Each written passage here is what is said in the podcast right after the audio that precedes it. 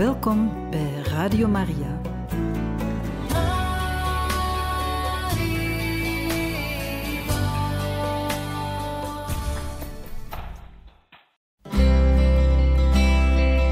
Welkom bij Boekat, een programma van Radio Maria.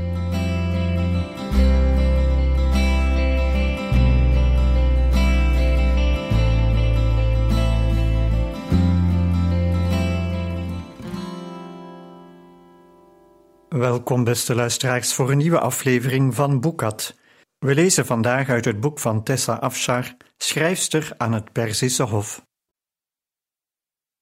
De koningin verwoestte mijn leven met haar vriendelijkheid.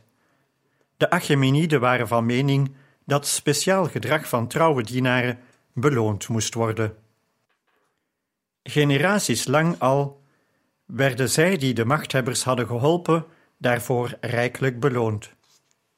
Dat gebeurde meestal in de vorm van dure geschenken, armbanden en kettingen voorzien van edelstenen, handgeweven gewaden, zilveren of gouden drinkbekers, een extra rantsoen wijn of graan. Als Damaspia me iets dergelijks had geschonken als dank voor het ontdekken en stoppen van Alloguns, van Allogunus snode plannen, dan had ik er maandenlang dankbaar van genoten. Als ze me een mooi gedecoreerd zadel had gegeven voor een paard dat ik niet bezat en waar ik niet op kon rijden, een ander gangbaar koninklijk geschenk, dan nog was ik in de zevende hemel geweest. Maar nee, de koningin besloot me de grootst denkbare koninklijke eer te gunnen. Ze schonk me een echtgenoot. Een Perzische aristocraat. Een week voordat we op weg zouden gaan naar Ekbatana, werd ik door Damaspia ontboden. Haar verzoek verraste me, en ik probeerde maar te vergeten dat ik de laatste keer dat ze me onverwacht had laten komen, verstrikt was geraakt in een gevaarlijke intrige.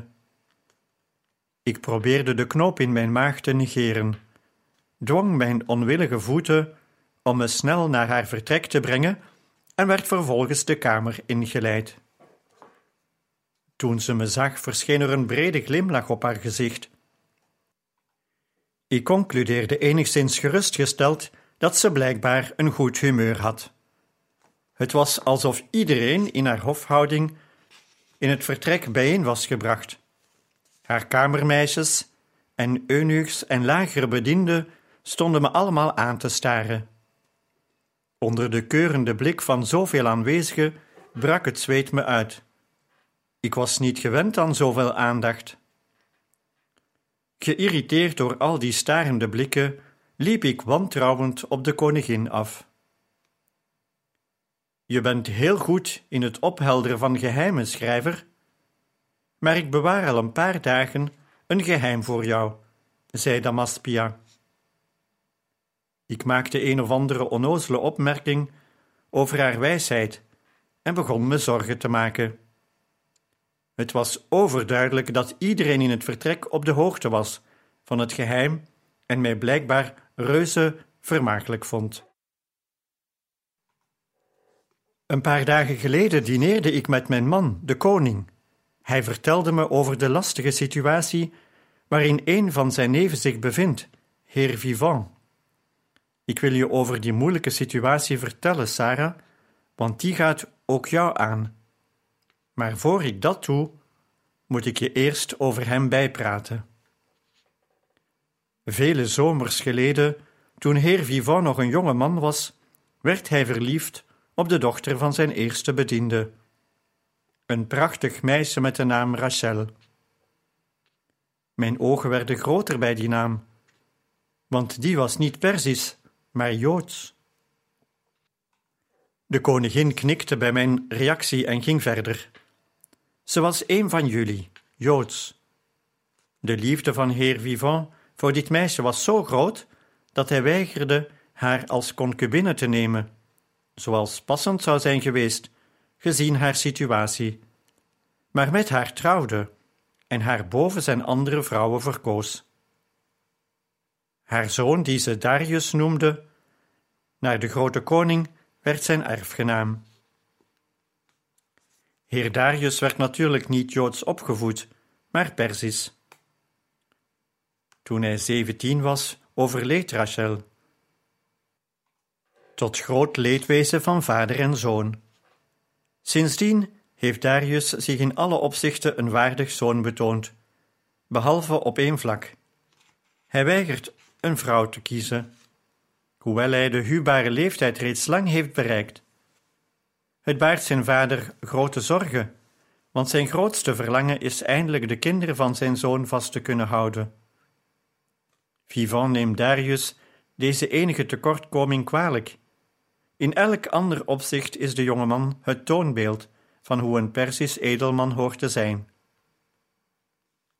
Ik begreep niet waarom de koningin erop stond de geweldige kwaliteiten van die knul uit de doeken te doen. Ik wachtte braaf tot ze het eindelijk nodig vond het waarom van dit alles toe te lichten. Een paar weken geleden bekende de jongen, daartoe gedreven door de enorme onvrede van zijn vader, waarom hij zo koppig had geweigerd te trouwen. Wat bleek? Voor haar dood had Rachel haar enige zoon laten beloven dat zijn eerste vrouw een Joods meisje zou zijn. Darius wist echter dat zijn vader wilde dat hij met een Perzische aristocrate zou trouwen. Hij zat dus gevangen tussen de jeugdige belofte aan zijn moeder en de te verwachten teleurstelling en woede van zijn vader. En daarom had de jonge man zich stilgehouden, in de hoop dat zich uiteindelijk een oplossing voor zou doen. Toen hij dat hoorde, was heer Vivant zo blij dat zijn zoon bereid was te trouwen, dat het hem nog maar weinig kon schelen waar het meisje vandaan kwam. Het enige dilemma dat hij nu nog zag, was een passend Joods meisje te vinden voor zijn zoon. Ik begon te wiebelen. Waarom had de koningin specifiek om mij gevraagd, als ze gewoon wat roddels kwijt wilde? Damaspia ging verder. Zoals ik al zei, vertelde de koning me, dit toen we twee avonden geleden dineerden.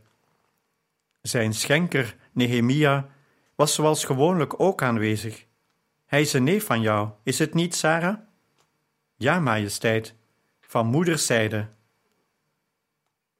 Een goed man. Damaspia wapperde met haar hand, beladen met sieraden, om haar woorden kracht bij te zetten. De koning weet zijn wijsheid erg te waarderen, en dus vroeg ik hem toen de koning klaar was met zijn verhaal, of Nehemia niet een vrouw wist die prins Vivants zoon waardig zou zijn. Maar nog voor hij kon antwoorden, bedacht ik opeens dat ik zelf wel iemand wist. De koning en zijn schenker keken me aan, alsof ik plotseling Grieks sprak. Wie heb je dan in gedachten, mijn liefste? Vroeg de koning me. En weet je welke naam ik noemde, Sarah? Nee, meesteres, antwoordde ik en voelde me misselijk worden.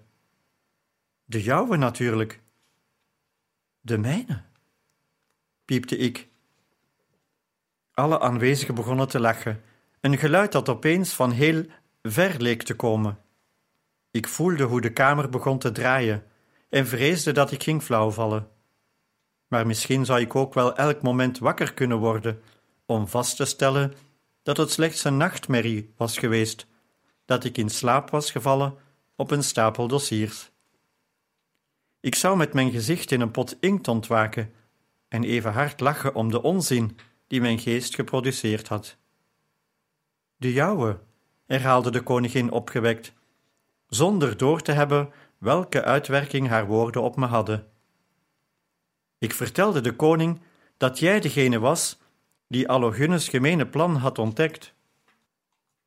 En dat jij degene was die koningin moeder had benaderd met het hele verhaal. En toen vroeg ik Nehemia wat hij van jou en jouw familie vond. Hij zei dat hij jou zeer respecteert, dat je weliswaar arm bent, maar betrouwbaar en loyaal.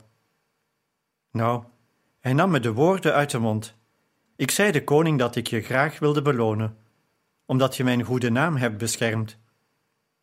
Een huwelijk met een Persisch aristocraat, de neef van de koning nog wel, leek me de best denkbare beloning.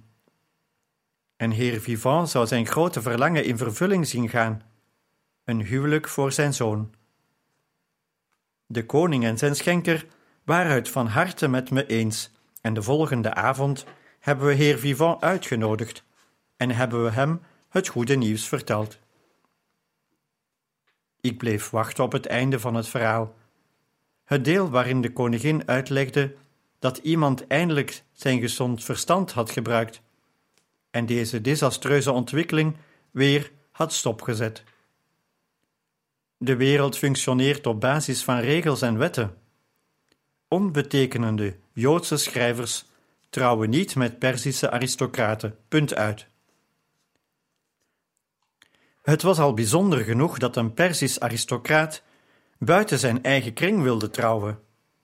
En als hij dat al deed, dan toch zeker niet met een vrouw die geen enkel politiek voordeel bracht, noch enige rijkdom of schoonheid. Iemand moest dat toch op enig moment hebben bedacht en beseft hebben dat dit plannetje gedoemd was te mislukken. Het komt allemaal goed, hield ik mezelf voor. Er zou heus geen huwelijk komen met een of andere verwende hoveling die me zou verstikken met zijn absurde verwachtingen. Dit was een grap. Er is alleen een probleem, ging de koningin verder. En ik haalde opgelucht adem. Hehe, eindelijk gezond verstand. Heer Vivant vertrekt naar Ionia, nog voor wij naar Ekbatana afreizen.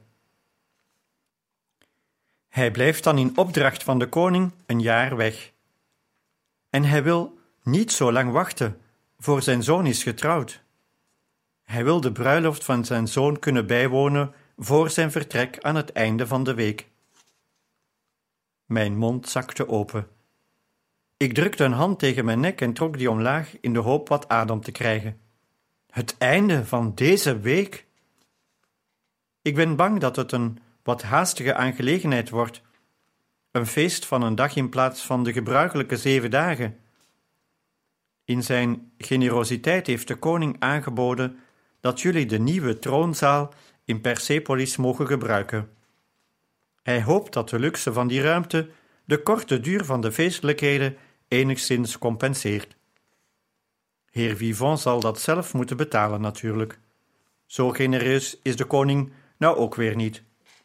Iedereen lachte. En ik begon te geloven dat die bruiloft in de gedachten van de koningin echt was.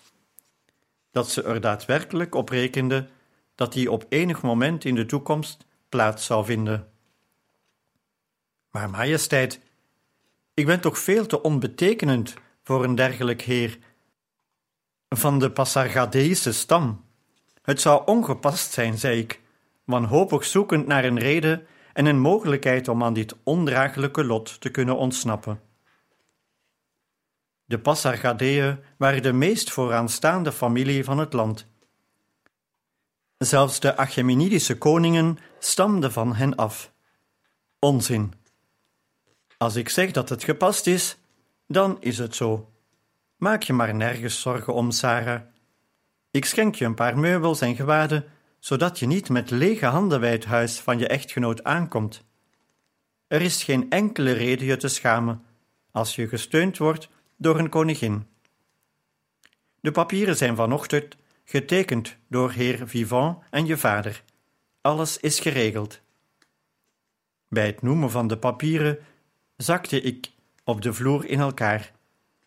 Mijn benen konden me niet langer dragen. Ik hoorde mensen om me heen giechelen en het kon me niet schelen. Vervolgens voelde ik een zachte arm om me heen en werd er een beker tegen mijn lippen gedrukt. Ik proefde wijn en zag dat het de koningin was die me vasthield. Kom, kom, het is te veel voor je geweest, arm kind. Ga nu maar en rust wat uit. Ik bedacht dat als ik nu ging, ik misschien niet meer op tijd een audiëntie zou krijgen. Neem me niet kwalijk, majesteit, mompelde ik en dwong mezelf overeind te komen. Het gaat wel. Ik keek wild om me heen in de hoop er een strohalm te vinden. Maar majesteit, wie moet uw schrijver zijn als ik trouw? Er is geen tijd om me te vervangen. Ik moet er niet aan denken wat een puinhoop al die documenten worden, als er niet goed voor wordt gezorgd. Damaspia deed een stap achteruit. Ach, dat is de zwakke plek in mijn plan, dat geef ik toe. Het is voor mij heel onhandig, dat huwelijk van jou. Je bent de beste schrijver die ik ooit heb gehad. Maar mijn waardering voor jou is zo groot dat ik bereid ben dat offer te brengen. U hoeft geen genoeg. Ik kende die toon, die dwingende stem die duidelijk maakte dat dit het einde van de discussie was. Ik herinnerde me dat ik haar nog niet had bedankt en dat ik een dergelijke protocolaire blunder niet kon maken. Met verstrikte stem zei ik: Ik ben heel dankbaar voor uw gulheid, die ik niet verdien, mijn koningin. Ik boog en vertrok.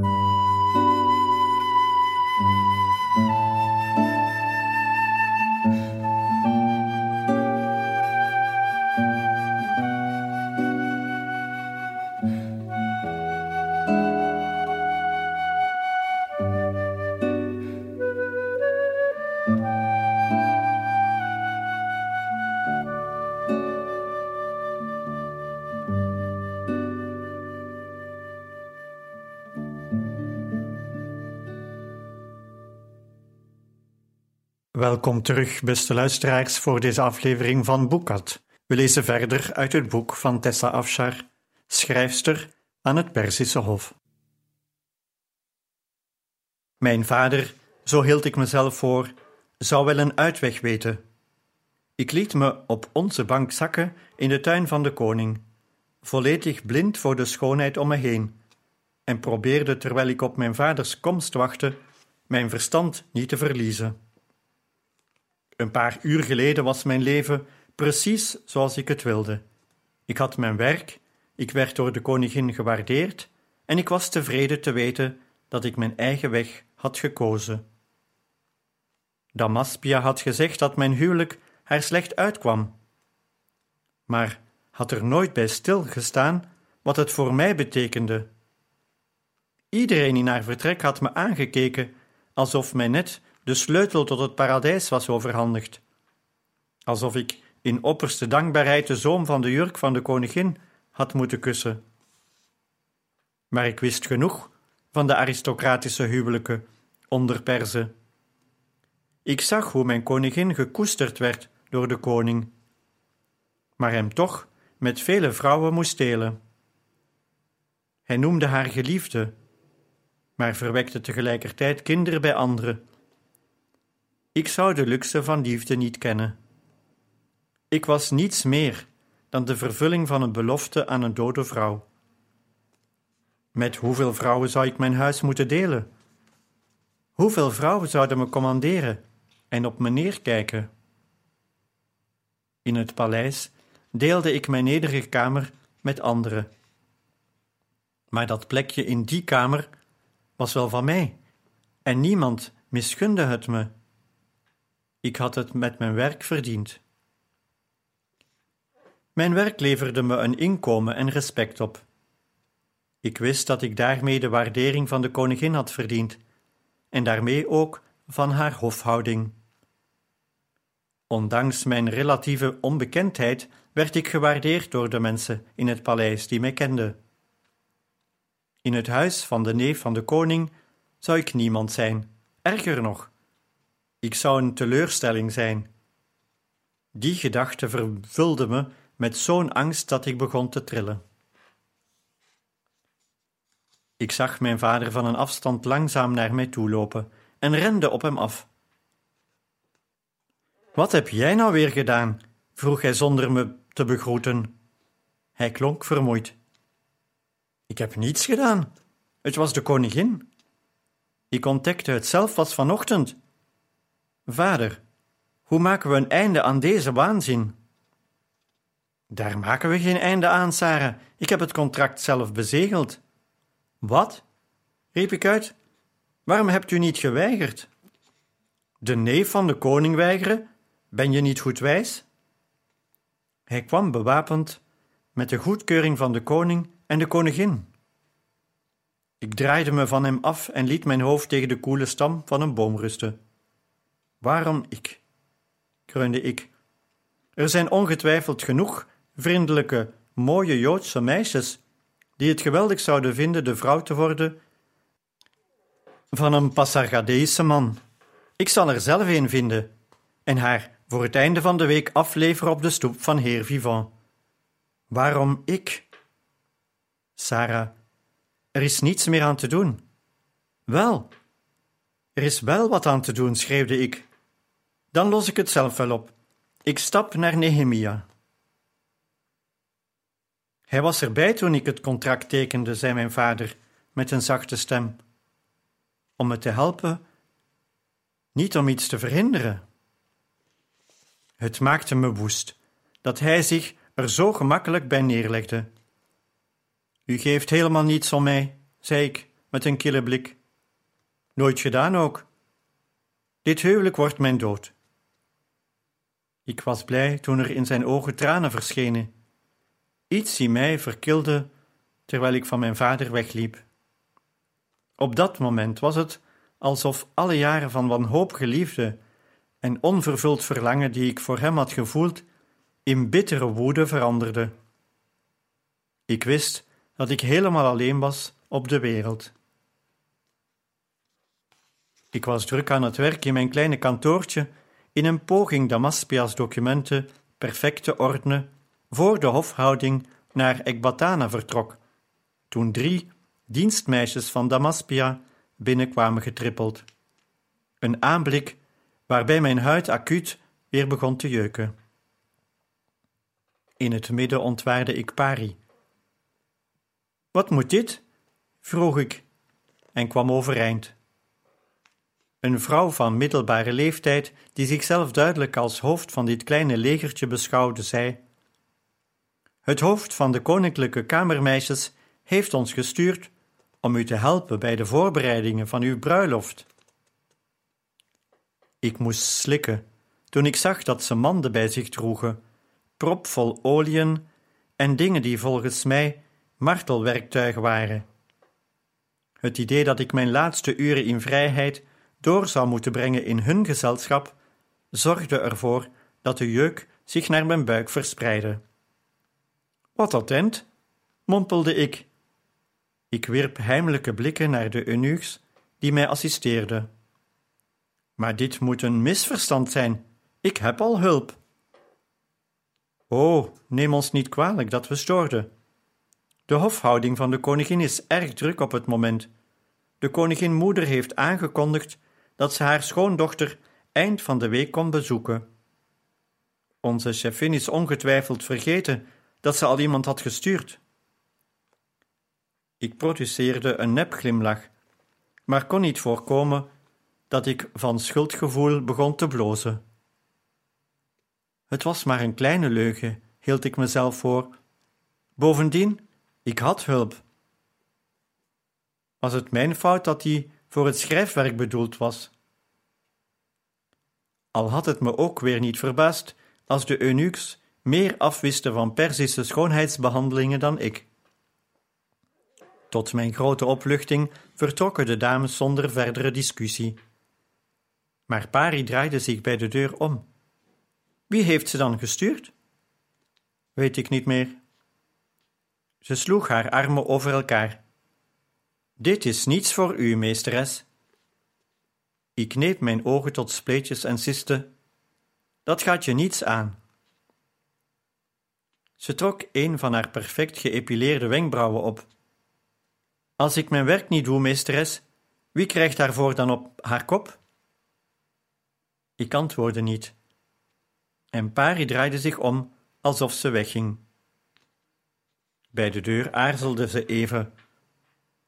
Nog een paar uur dan, maar ik kom terug. Het duurde twee dagen om een audiëntie te krijgen bij de schenker van de koning. Aangezien mijn bruiloft kort daarop zou zijn, was het nauwelijks te verdragen dat het zo lang duurde, tot die cruciale afspraak. Mijn laatste hoop op redding. Op weg naar Nehemia hield Pari me voor de vijfde keer in twee dagen aan. Meesteres, ik moet u voorbereiden op de bruiloft. We moeten nog zoveel doen. Uw haar, nagels, huid. Straks, zei ik en duwde haar opzij. Maar er is geen tijd meer.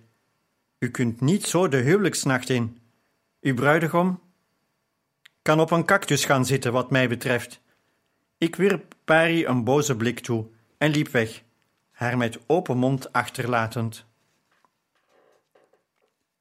Achter zijn rug had ik hem misschien neef genoemd. Maar Nehemia was te vooraanstaand om hem met dergelijke jovialiteit te kunnen begroeten. Ik boog daarom voor hem, en het kostte me vreselijk veel zelfbeheersing te moeten wachten op een teken dat ik hem aan mocht spreken. Zenuwachtig bestudeerde ik hem om te zien in wat voorbij hij was. Hij zag er als altijd onberispelijk uit. Zijn donkerrode haar golfde gekamd om zijn hoofd, en bovenop balanceerde een al even onberispelijke vilten hoed.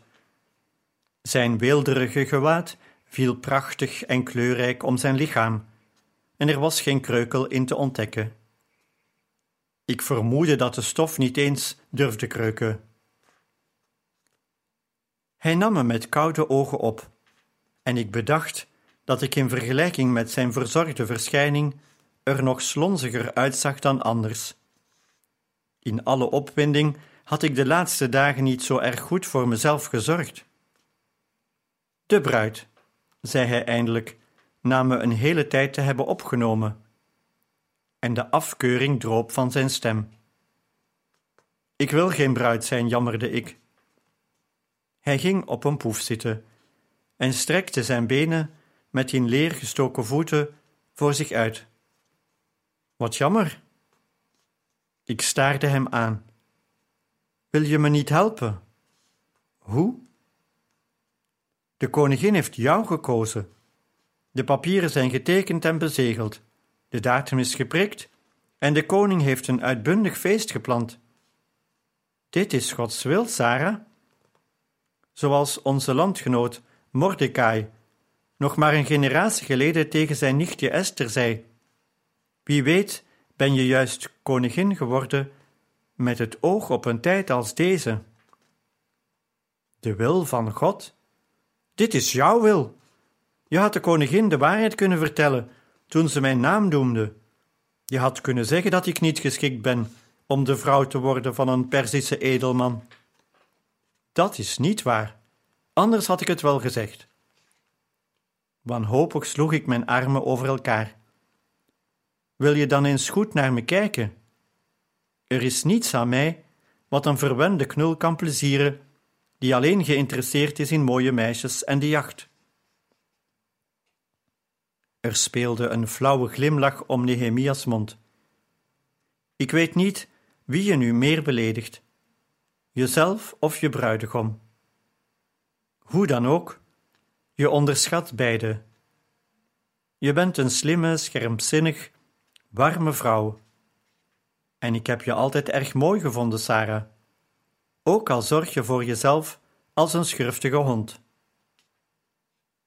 Ik vond de vergelijking met een hond allerminst een belediging.